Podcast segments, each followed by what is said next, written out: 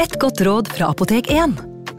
Nå er snart pollensesongen i gang, og et godt råd til deg som sliter med pollenallergi, er å begynne behandlingen i god tid før allergisesongen starter. Da får du nemlig enda bedre effekt av legemidlene, og så blir ikke våren din helt ødelagt. Kom innom og få råd på ditt nærmeste Apotek 1, eller chat med oss på apotek1.no. Apotek 1 vår kunnskap, din trygghet.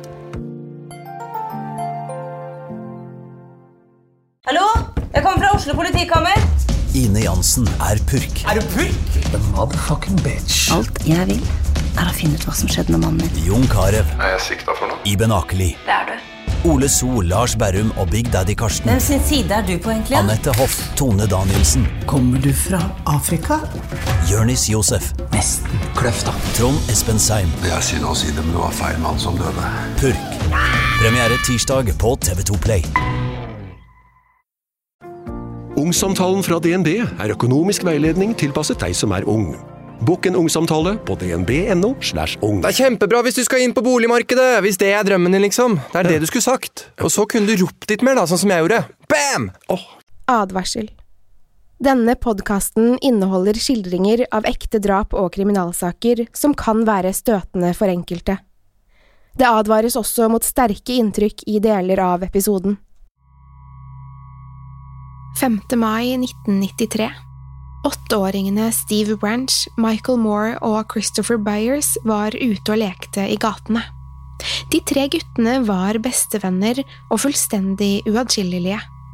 De gikk i samme klasse på den lokale skolen og tilbrakte all fritiden sin sammen. Denne kvelden syklet de rundt omkring i gatene, slik de pleide å gjøre. De ropte til hverandre slik at hele nabolaget kunne høre dem. Dette var lyden av frihet og barnlig glede. Michael var en naturlig leder i den lille gjengen. Han hadde tatt på seg speideruniformen sin denne kvelden. Dette var plagget han var aller mest stolt av i hele verden. Da Michael syklet av gårde i retning skogsområdet The Robin Hood Hills, fulgte de andre guttene etter.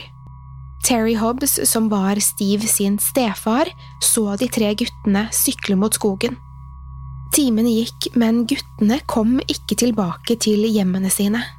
Etter hvert begynte foreldrene å bli urolige for at noe kunne ha skjedd. Familiene begynte derfor å lete etter dem i The Robin Hood Hills, området de hadde syklet mot da de sist ble observert. Etter flere timer uten noen livstegn kontaktet familiene politiet og meldte guttene savnet. Allerede tidlig neste morgen ble det iverksatt en omfattende leteaksjon. Politi og flere fra lokalbefolkningen søkte gjennom skogsområdene rundt byen. De ropte navnene deres og vendte hver eneste stein for spor etter guttene. Etter noen timer med leting ble håp forvandlet til håpløs fortvilelse. De fant nemlig de tre guttene i en liten, gjørmete elv som rant gjennom området. De var alle kledd nakne, de hadde merker etter fysiske skader på kroppene, og hendene og føttene deres var bundet. Det var ingen tvil om at dette ikke var noe uhell. Steve, Michael og Christopher hadde blitt drept. Velkommen til True Crime-poden.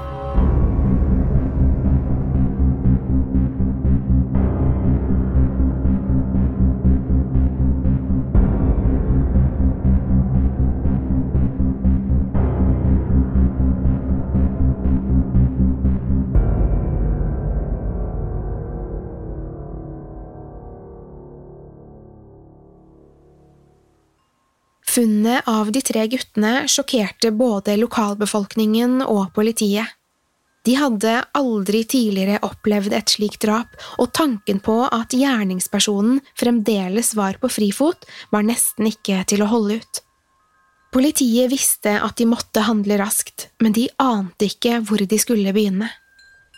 Dagen etter de tre guttene ble funnet, ble politiet oppringt av eieren av den lokale restauranten Bojangles. Han kunne fortelle at han hadde opplevd noe svært merkelig dagen guttene hadde blitt drept. En svart mann hadde kommet inn i restauranten, fullstendig dekket av gjørme og blod.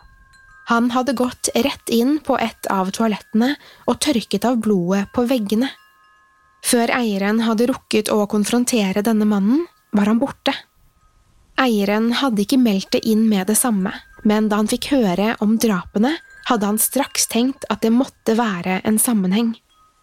Politietterforsker Bryn Ridge dro med det samme ned til Bojangles og tok prøver av blodet på veggene. Han fant også et par solbriller som de antok at tilhørte den mystiske mannen. Disse mulige bevisene ble riktignok aldri analysert. Bryn Ridge ble distrahert av et nytt spor i saken og glemte derfor å sende inn disse blodprøvene til laboratoriet. Obduksjonen av de tre guttene var klar, og resultatene sjokkerte. Det var ikke nok med at de hadde blitt drept. En av guttene Christopher Byers hadde nemlig blitt kastrert og tappet for blod. De andre guttene hadde også blitt mishandlet og hadde flere blåmerker på kroppene. På åstedet hadde politiet funnet guttenes klær bundet fast til pinner som var stukket ned i gjørmen rundt likene. Hendene og føttene hadde blitt bundet ved hjelp av skolissene deres. De makabre detaljene gjorde at politiet begynte å spekulere i mulige motiv for drapene. Det hadde på 90-tallet vært en økende trend med det som tilsynelatende var rituelle drap. Politiet fryktet at disse drapene også kunne være knyttet til en slags kult eller en form for djeveldyrkelse. Etterforsker Ridge pekte på måten guttene hadde blitt drept, og på måten klærne deres var utstilt rundt dem. Han fryktet at guttene hadde blitt ofret til djevelen. Ridge la også merke til at det var fullmåne kvelden guttene ble drept, som han også brukte for å underbygge denne teorien. Memphis var på denne tiden en veldig religiøs by. De aller fleste innbyggerne var kristne og redde for å skille seg ut i samfunnet. Politiet hadde likevel kjennskap til en gutt som ble beskrevet som annerledes.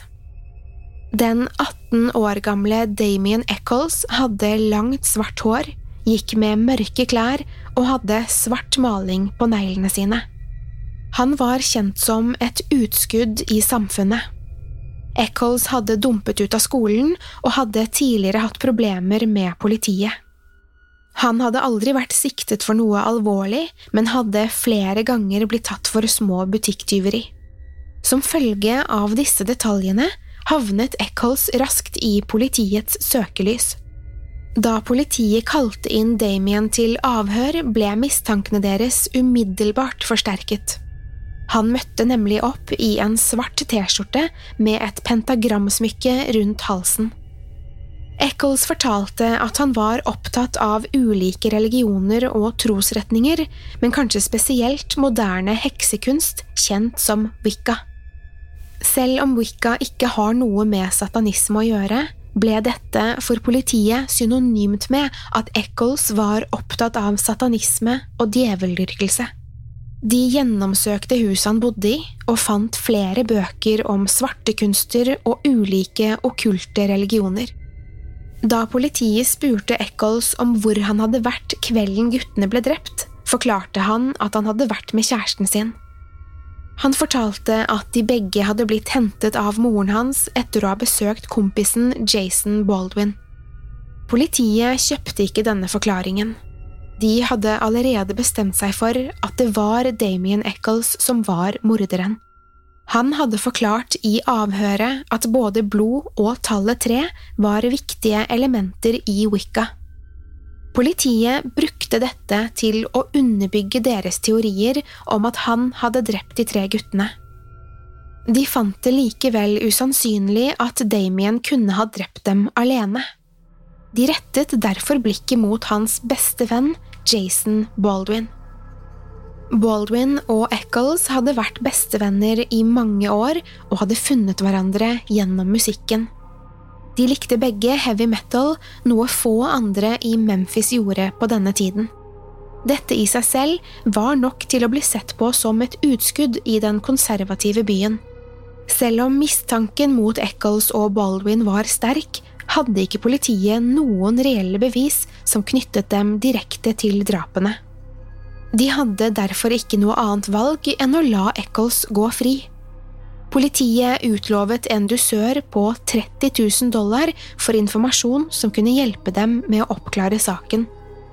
Etter noen uker tikket det inn et nytt tips. Tipset kom fra Vicky Hutchinson, som selv hadde en åtte år gammel sønn. Hun fortalte at sønnen hennes hadde vært god venn med de tre drepte guttene. Hun hadde hørt at politiet mistenkte Eccles og kunne fortelle at hun kjente en nær venn av ham. Den 17 år gamle gutten Jesse Miskelly hadde i en lengre periode gjort småjobber for Vicky, og han hadde flere ganger fortalt om sin venn Damien Eccles. De to hadde gått i samme klasse på ungdomsskolen før de begge hadde droppet ut.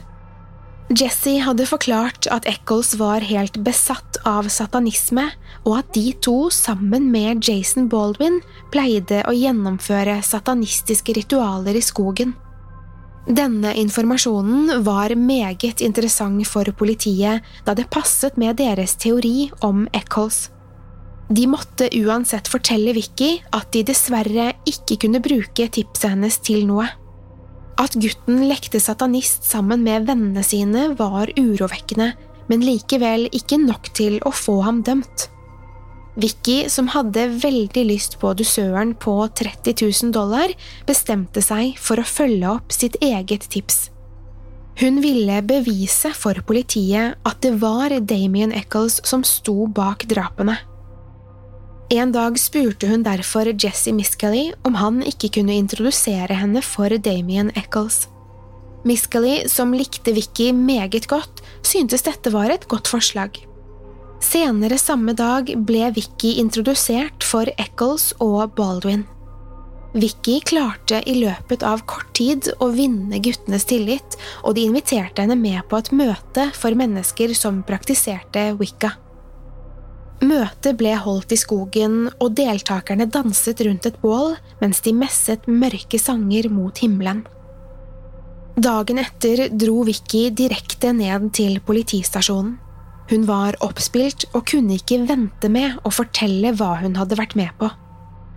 Hun forklarte at Damien Eccles hadde skrytt til alle om hvordan han hadde drept de tre guttene, og beskrevet i detalj hvordan han hadde gjort det. Historien Vicky fortalte, var mer enn politiet kunne ha drømt om, men de forsøkte å ikke ta noen forhastede beslutninger.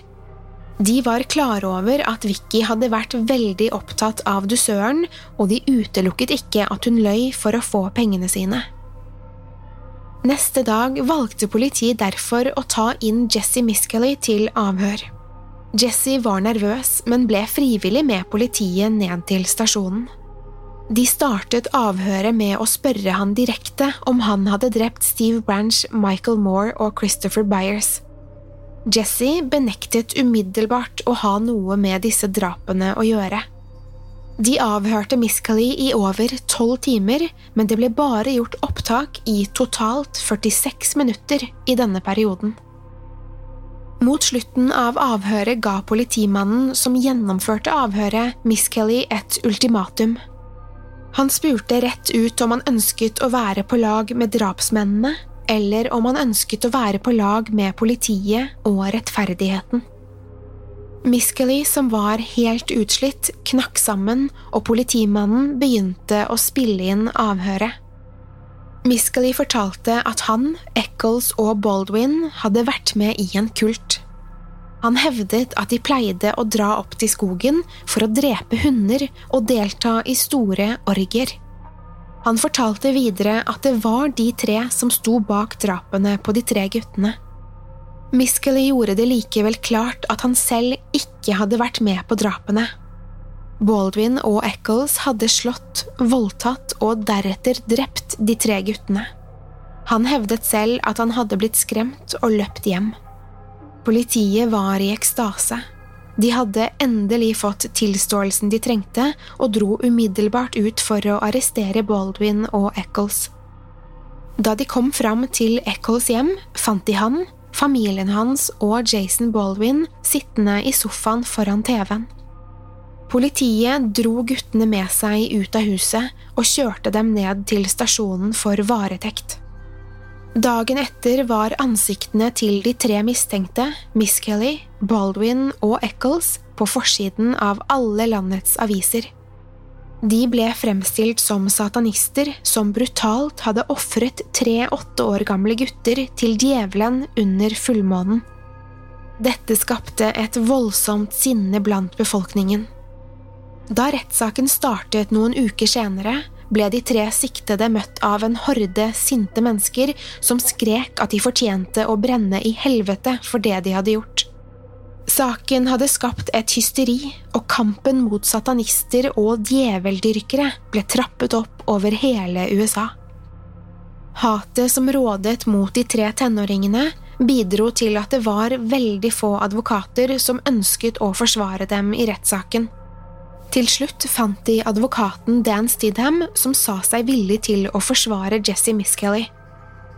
Stidham var, i likhet med resten av USA, sikker på at de tre guttene var skyldige.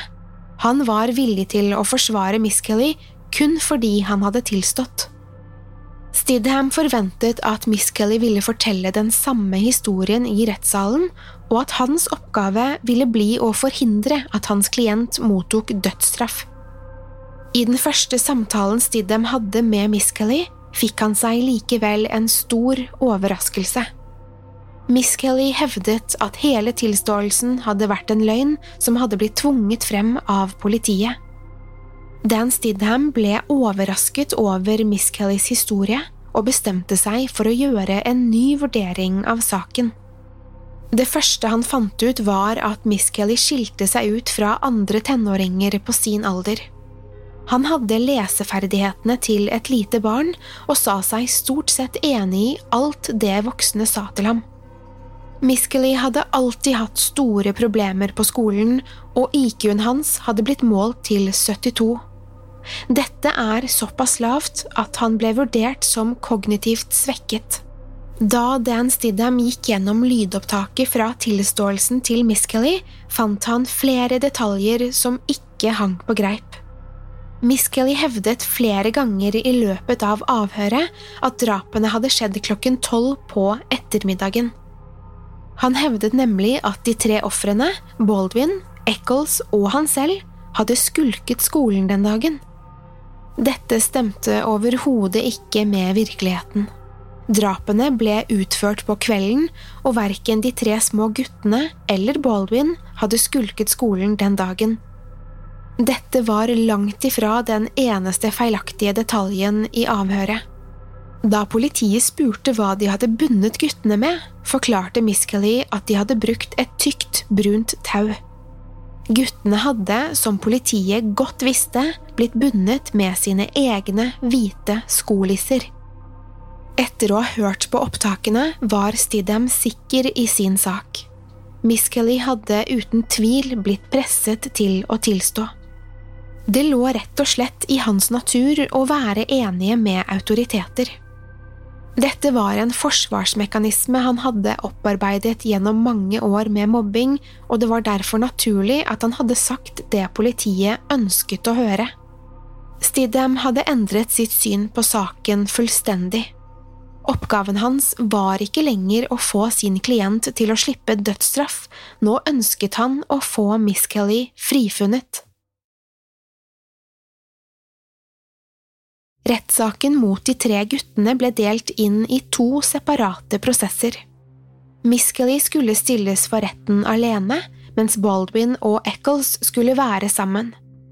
Denne saken hadde fått enorm oppmerksomhet, og mange var spente da rettssaken mot Baldwin og Eccles nærmet seg. Den 28. februar 1994, ti måneder etter at drapene hadde funnet sted, entret de to guttene rettssalen. Det aller første som skjedde i rettssaken, var at aktoratet kalte inn politietterforsker Bryn Ridge. Hans oppgave var å male et bilde av hvor grusomt åstedet hadde vært, og på denne måten vinne juryens sympati. Han forklarte hvordan drapene, etter alle øremerker, var utført som en del av et satanistisk ritual. Da han var ferdig, hersket det liten tvil om at hans vitnemål hadde lykkes med å berøre alle som befant seg inne i rettssalen. Flere tørket tårene sine, og mange av de oppmøtte reiste seg og forlot salen fordi de ikke orket å lytte til de forferdelige detaljene. Det var tydelig at forsvarsadvokatene til de to guttene hadde en enorm oppgave foran seg. Allerede før rettssaken hadde begynt, var den generelle oppfatningen at de to guttene var skyldige. Alt tydet på at dette skulle bli en enkel sak for aktoratet, men da det var forsvarets tur til å spørre ut Bryn Ridge, skjedde det noe uventet. Forsvarsadvokaten til Eccles begynte nemlig å spørre Ridge om tipset han hadde fått fra eieren av restauranten Bojangles. Ridge kunne bekrefte at det var han som hadde besøkt restauranten, og at han der hadde tatt prøver av blodet på veggene inne på toalettet. Da forsvarer spurte om hva som hadde skjedd med disse prøvene, måtte Ridge, til alles forskrekkelse, fortelle at han hadde rotet bort dette bevismaterialet. Dette var en skandale. At politietterforskeren hadde klart å rote bort de blodprøvene som potensielt kunne ha bidratt til at de tre guttene ble frikjent, var ikke til å fatte. Stemningen i rettssaken ble endret, og Forsvaret ante et lite håp. At disse prøvene, som var det eneste konkrete beviset i denne saken, ikke hadde blitt sendt direkte til et laboratorium, vitnet ikke bare om slett politiarbeid. Dette fikk det til å fremstå som at politiet hadde bestemt seg for at Eccles var drapsmannen, og at de aktivt jobbet for å få han dømt. Denne innrømmelsen fra Ridge var et tilbakeslag for aktoratet, men de prøvde raskt å vinne tilbake juryen. Det neste vitnet de kalte inn, var dr. Peretti. Peretti var mannen som hadde gjennomført obduksjonen av de tre guttene, og han kunne presentere sine grufulle funn for juryen. Han fortalte at en av guttene, Christopher Byers, hadde blitt kastrert mens han fremdeles var i live. Alt tydet på at denne kastreringen hadde blitt utført med en kniv med et taggete blad. En slik kniv hadde tidligere den uken blitt funnet i en innsjø som lå like bak Baldwins hjem. Peretti måtte innrømme at kastreringen kunne ha blitt utført med en hvilken som helst kniv av denne typen. Det var altså ingen åpenbare tegn på at det var akkurat denne kniven som hadde blitt brukt. Dette ble likevel sett på som en seier for aktoratet. Det neste vitnet som entret vitneboksen, gjorde heller ikke saken bedre for de tiltalte. Michael Carsten var en innsatt i samme fengsel som Baldwin hadde sonet i.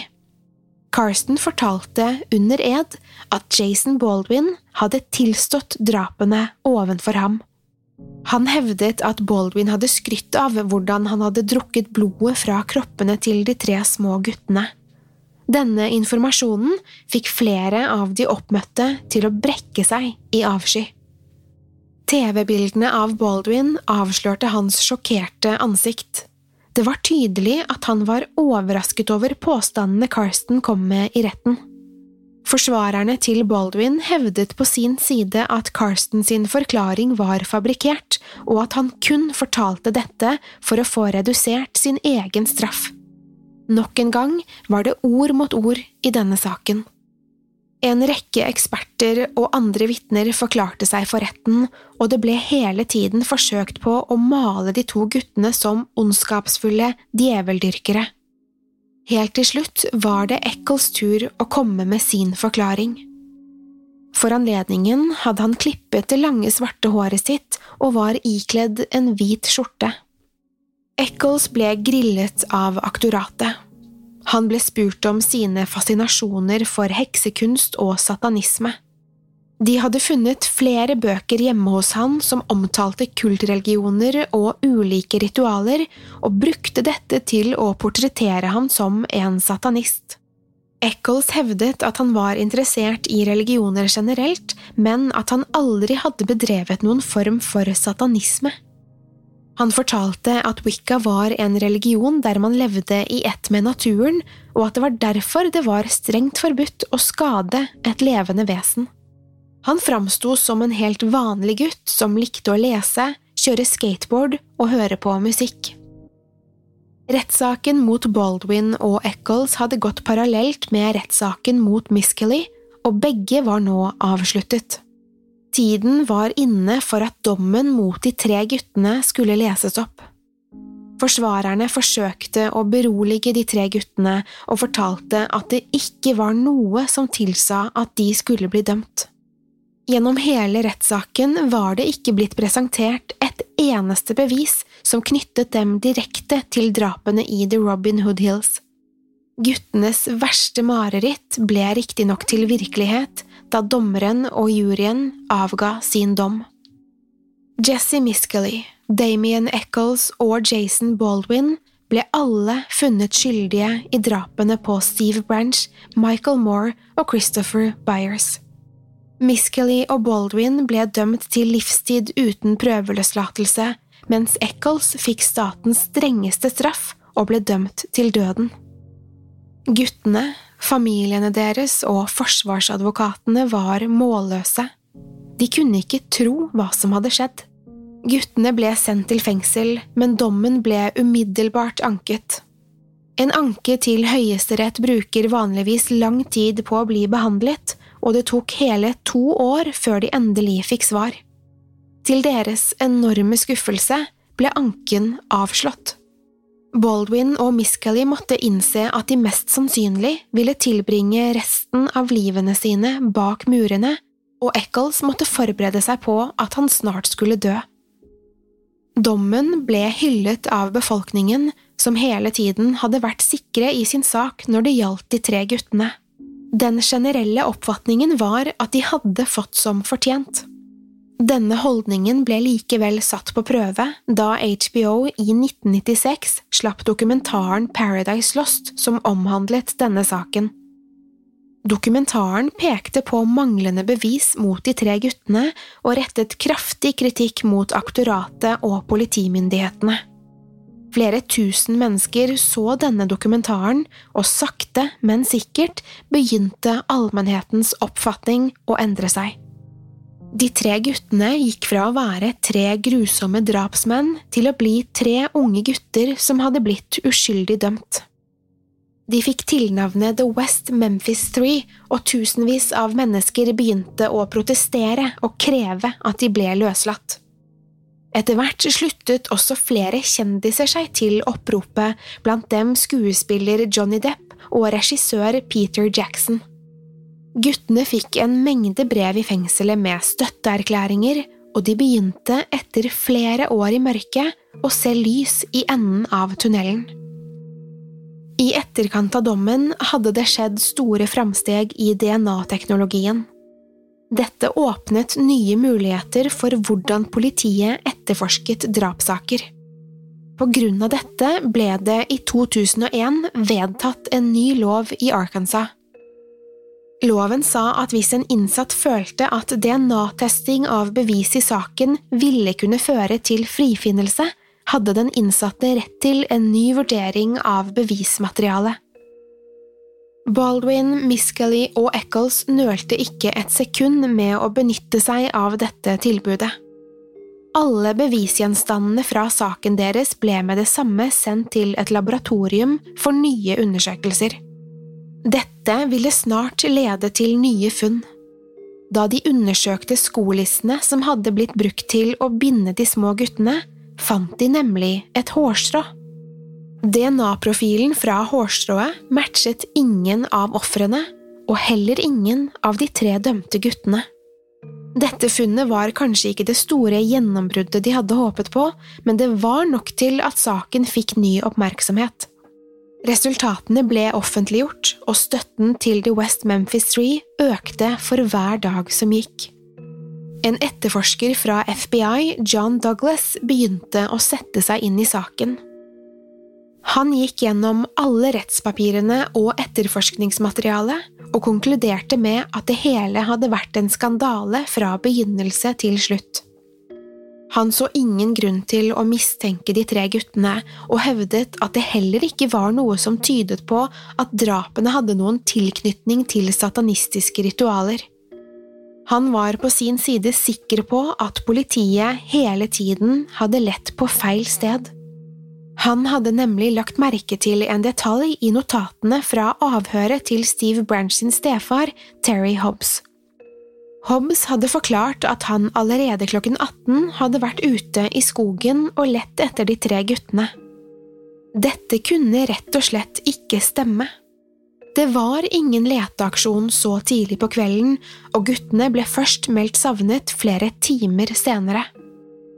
Douglas valgte å handle på sin mistanke, og avla derfor Terry Hobbs et besøk. Hobbs ble rasende da han forsto at han var mistenkt for drapene, og forlot sin egen stue i protest. Hobbs var en storrøyker, og Douglas tok med seg en av sigarettsneipene som lå i askebegeret i stuen, før han forlot huset. Samme kveld sendte han sigarettstumpen til en DNA-analyse. Dagen etter ble det klart at spyttet på sigaretten og håret de hadde funnet på skolissen, hadde den samme DNA-profilen. Det var ingen tvil, håret tilhørte Terry Hobbs. Dette var ikke i seg selv noe fellende bevis mot Hobbs, men funnet var nok til at guttene fikk en ny rettssak. Retten hadde ikke noe valg. Det var rett og slett for mye som tydet på at flere avgjørende feil hadde skjedd under den forrige rettssaken. Guttene kunne ikke tro det de fikk høre. De hadde allerede sonet 18 år av dommene sine, og hadde i løpet av denne tiden gitt opp alt håp om at de noensinne ville gå fri. Nå ante de igjen håp, og tårene strømmet da de fikk høre at de skulle få en ny rettssak. Politimyndighetene i Memphis var på sin side svært misfornøyde med denne avgjørelsen. De innså at de ville fremstå som idioter hvis guttene ble frifunnet. Politiets autoritet og integritet sto på spill. De bestemte seg derfor for å inngå en avtale med de tre guttene. Hvis de gikk med på å erklære seg skyldige, skulle de få lov til å gå fri. Baldwin kunne ikke tro det han fikk høre.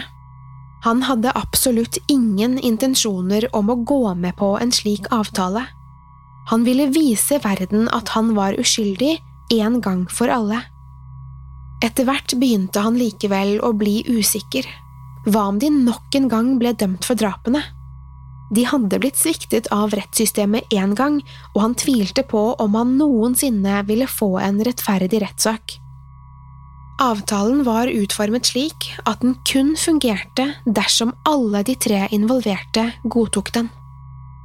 Baldwin visste at han aldri ville kunne leve med seg selv hvis de igjen ble dømt, og at hans beste venn Damien Eccles ble henrettet fordi han nektet å gå med på avtalen. De tre ble derfor enige om å erklære seg skyldige i drapene. Samme dag, den 9. august 2011, gikk de ut av fengselet som frie menn. Det har gått flere år siden Baldwin, Eccles og Miscally ble løslatt fra fengselet, og de har siden forsøkt å etablere normale liv. Damien Eccles er gift og bor sammen med sin kone og sine barn. Jesse Miscally bor fremdeles i West Memphis og jobber der som anleggsarbeider. Jason Baldwin bruker livet sitt til å jobbe for mennesker som har blitt uskyldig dømt. De har alle et håp om at de en dag skal bli frifunnet for drapene på Steve Branch, Michael Moore og Christopher Byers, og at sannheten om hva som egentlig skjedde, skal komme frem.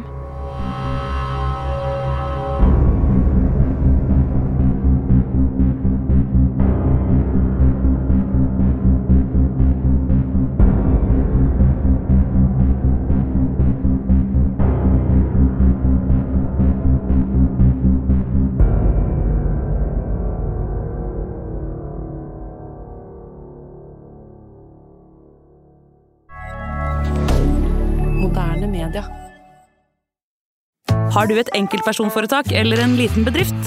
Da er du sikkert lei av å høre meg snakke om hvor enkelt det er med kvitteringer og bilag i fiken, så vi eh, gir oss her, vi. Fordi vi liker enkelt. Fiken superenkelt regnskap. Hei! Takk for at du lytter til True Crime Podden. Skulle du ønske at du kunne høre en ny episode av denne podkasten hver eneste uke?